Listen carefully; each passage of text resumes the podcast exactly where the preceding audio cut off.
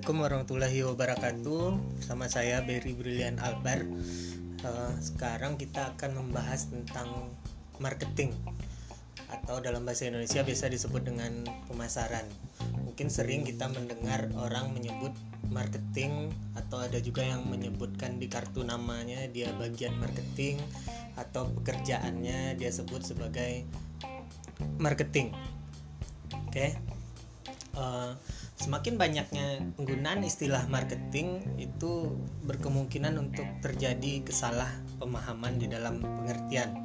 Karena seperti yang kita ketahui ada pergeseran tren. Kalau dahulu orang menyebutnya penjualan selling lalu orang menyebut dirinya sebagai sales salesman atau saleswoman lalu bergerak katanya pemasaran adalah perkembangan dari penjualan lalu orang mulai memakai istilahnya marketing ada bagian marketing yang dahulu menyebut dirinya sales akhirnya menyebut dirinya di ID card sebagai uh, marketing. Saya dari bagian marketing A saya bagian dari marketing B mau menawarkan produk ini produk itu. Padahal yang dilakukannya kegiatannya adalah selling menjual sama seperti yang dilakukan oleh uh, salesman. Jadi karena ada beberapa pemakaian istilah yang salah sehingga akhirnya di uh, kondisi umum pun terjadi kesalahan pemahaman. Belum lagi misalnya ketika anda penjualan anda merosot misalnya profitnya merosot lalu anda berpikir sepertinya kita harus melakukan kegiatan marketing. Lalu besok yang anda lakukan adalah pasang iklan di koran pasang iklan di radio dan TV eh, terkesan marketing itu adalah kegiatan promosi atau pasang iklan misalnya. Nah makin lebar lagi kesalahannya. Jadi ada yang menyebut marketing adalah penjualan ada yang menyebut marketing adalah berdagang ada yang menyebut marketing adalah beriklan berpromosi dan lain-lain sedangkan pengertian dari marketing bukan itu uh, semua. Oke, jadi kita cenderung untuk mengartikan sesuatu berdasarkan kebiasaan yang kita lihat, yang kita lakukan sehari-hari, lalu kita terjemahkan itu sebagai maknanya. Di sini kita akan membahas tentang uh, pengertian dari marketing. Sebelum masuk ke pengertiannya, kita harus pahami dulu perkembangan atau uh, sejarahnya bagaimana marketing itu karena perkembangan dan sejarah ini akan mempengaruhi pengertian marketing itu sendiri jadi sebagai ilmu sosial tahun berganti tahun berganti siklusnya berganti prosesnya pengertian marketing pun mengalami pergeseran. Jadi marketing yang diterjemahkan mungkin sekitar 200-300 tahun yang lalu itu tidak akan sama dengan pengertian marketing yang kita pahami di hari ini. Oke, makanya perlu kita pahami perkembangan dari teori marketing itu berdasarkan aplikasinya di uh, kehidupan kita. Oke, uh, pada awalnya marketing itu orientasinya adalah produksi jadi di zaman dahulu ketika orang memikirkan marketing itu mereka belum berpikir ini pasang iklannya apa, bintang iklannya siapa, uh, tagline-nya apa, mau jualan di harga berapa, saluran distribusinya apa, uh, tampilan fisik people prosesnya apa itu belum kepikiran. Karena pada zaman dahulunya itu yang dipikirkan orang ketika melakukan kegiatan marketing adalah yang penting bikin aja dulu Makanya periode pertama dari marketing ini disebut dengan eranya era produksi. Pada era itu kegiatan marketing itu pengertiannya adalah kegiatan marketing adalah yang melakukan produksi. Karena tidak mungkin Anda memarketingkan sesuatu tanpa Anda produksi apa pun namanya juga ada yang dipasarkan berarti ada yang harus dipasarkan. Nah orang fokus kepada apa yang harus dipasarkan. Makanya marketing zaman dulu berorientasi marketing itu cukup kita bikin aja produknya lalu kita jual. Kenapa orang bisa berpikiran seperti itu? Karena di zaman itu belum banyak yang bikin produk jadi kalau Anda tahu sejarahnya itu ada revolusi industri, sebelumnya juga orang sudah melakukan produksi. Jadi yang melakukan produksi ini pastinya memang lebih sedikit daripada yang membeli hasil produksi. Jadi prinsipnya kita bikin aja, kita bikin apa pun saja itu biasanya orang akan beli karena yang bikin itu nggak banyak. Jadi anda bikin ya orang pasti ada permintaannya, orang pasti butuh karena nggak ada pilihan lain. Anda yang memproduksi satu-satunya. Jadi di era ini produksi mungkin sedikit, malahan saking sedikitnya beberapa produsen itu prinsipnya adalah monopoli.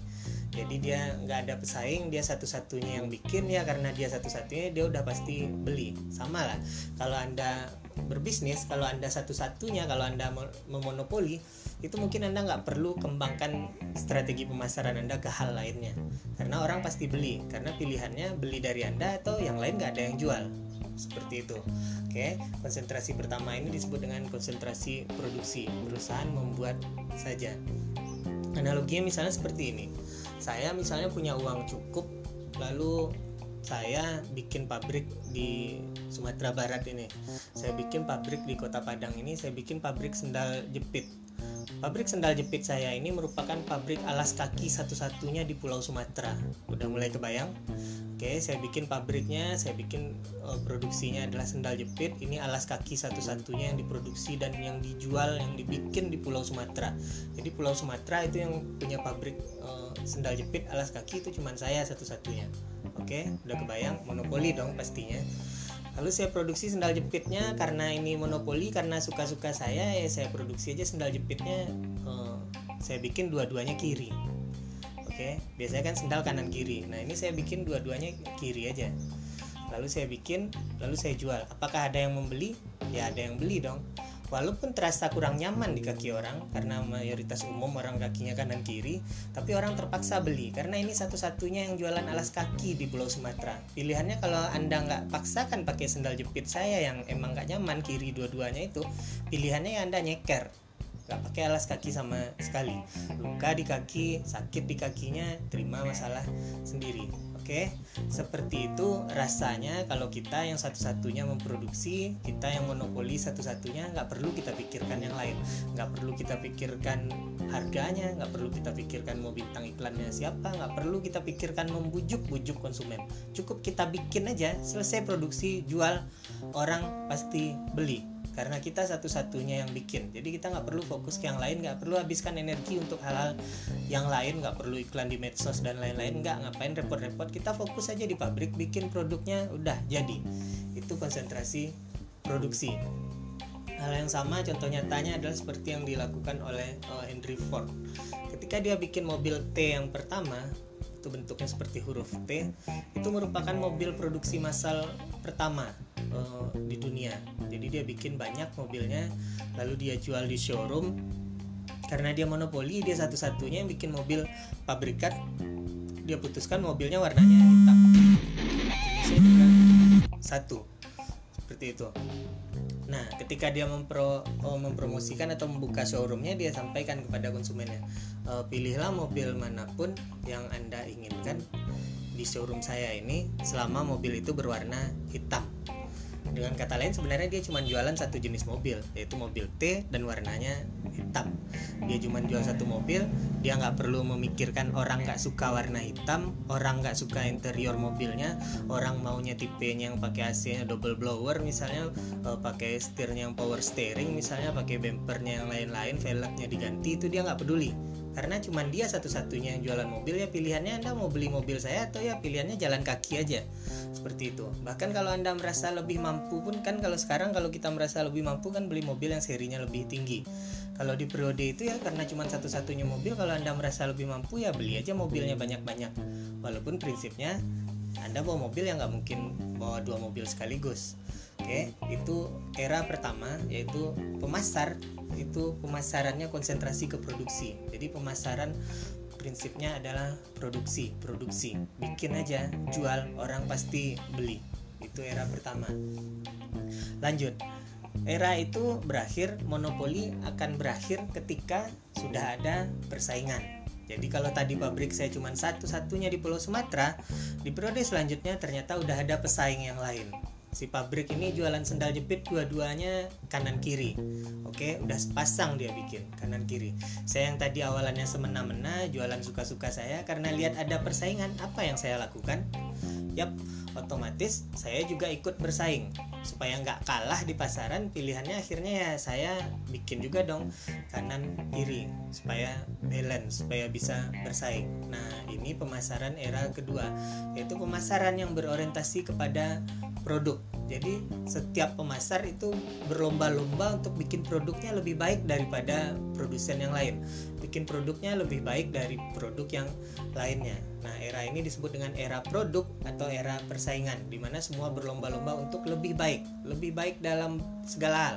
Mau lebih baik dari segi harganya dari segi oh, kualitasnya dan lain-lain. Itu era kedua. Jadi ada produk dan persaingan itu era yang kedua. Contoh nyatanya mungkin kita lihat uh, dulu yang jualan bahan bakar minyak itu di Indonesia itu satu-satunya adalah Pertamina.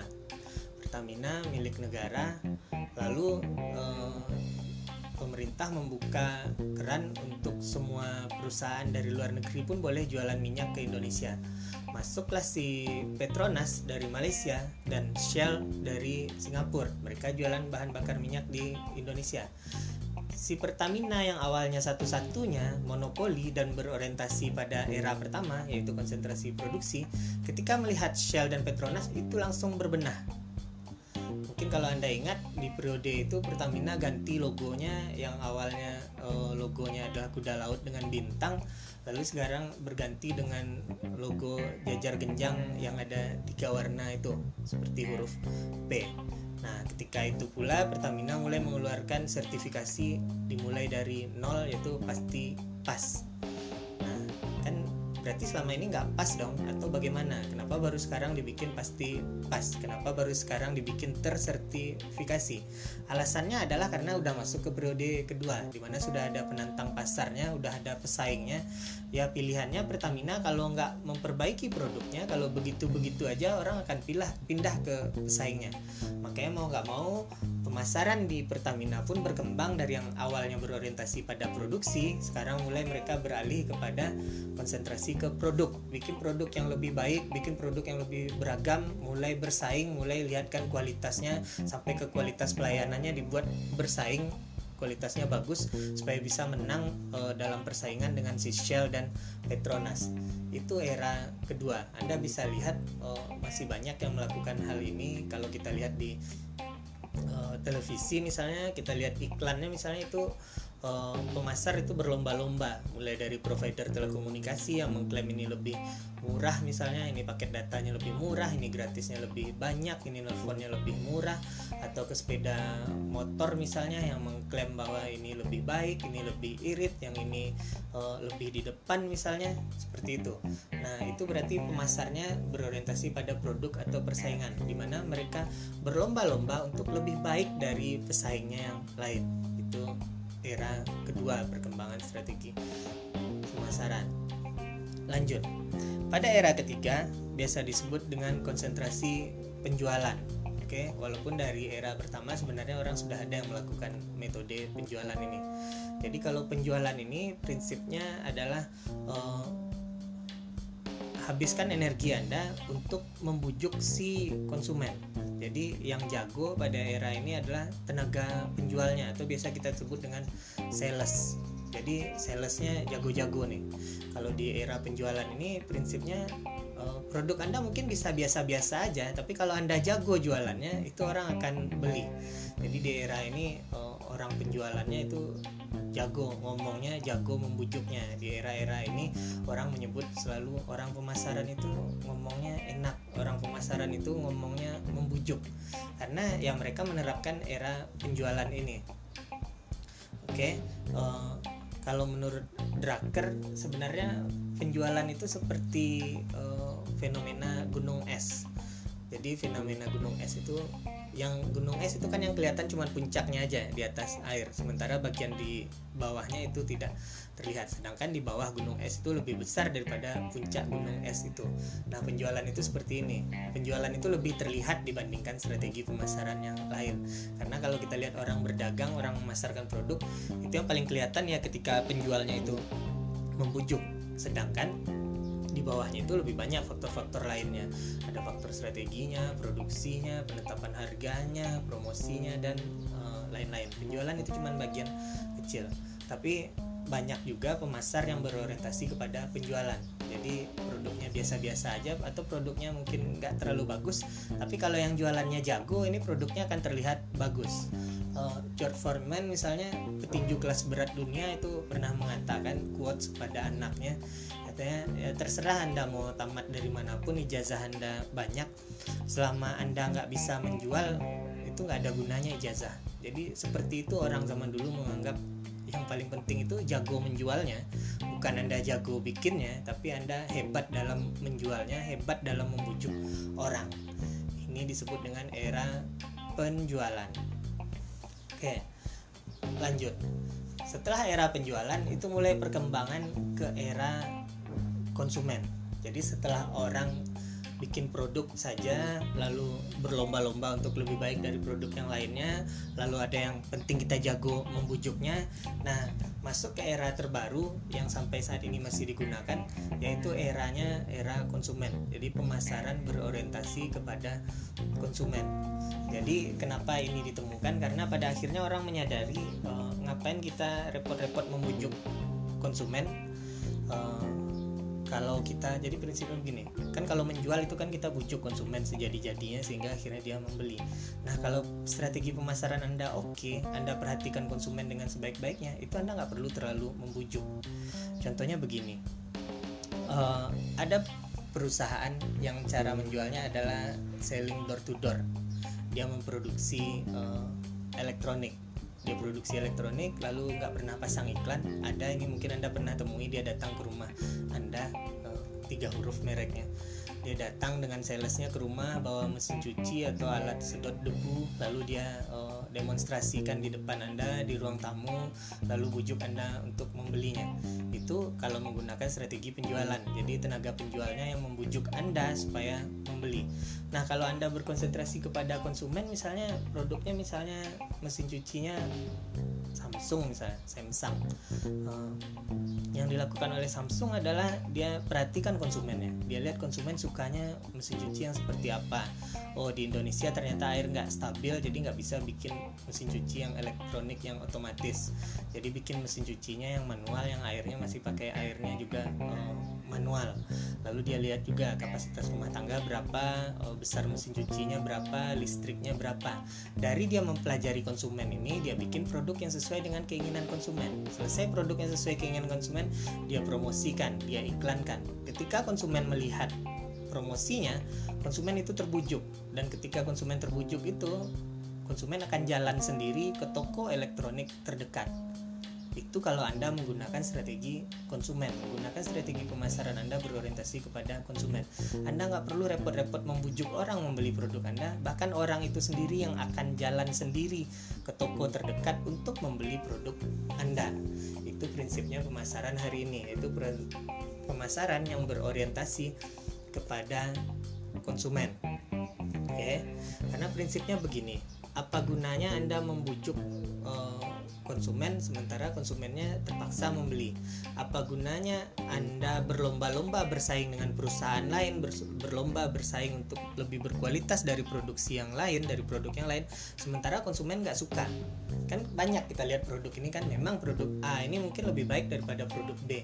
Tapi kalau kita nggak suka, peduli apa mau dia lebih baik dari produk yang mana, mau dia produk terbaik di dunia pun, kalau kita sebagai konsumen nggak suka, nggak cocok bagi kita, ya kita nggak akan beli jadi di situ seperti menemukan titik cerah pemasar akhirnya menyadari ya ngapain kita repot-repot seperti itu? Sedangkan yang pada akhirnya membeli produk kita adalah konsumen. Bukankah lebih baik kalau kita pelajari aja konsumen? Pelajari si konsumen ini maunya apa lalu kita bikin produk sesuai maunya konsumen. Nah, kalau kita udah bikin produk sesuai maunya konsumen, biasanya konsumen ya beli dong karena dia tahu oh ini sesuai dengan saya nih, ini gue banget nih produknya. Seperti itu produk yang berorientasi kepada uh, konsumen. Oke. Okay? Uh, eh, sama misalnya uh, seperti ini misalnya. Uh, analoginya misalnya Anda cari jodoh misalnya. Anda laki-laki misalnya, Anda perempuan misalnya ada lima laki-laki anggaplah seperti produk yang ini lebih kaya yang ini lebih pinter yang ini lebih ganteng yang ini lebih tinggi IPK-nya yang ini uh, lebih apa masing-masing punya kelebihan.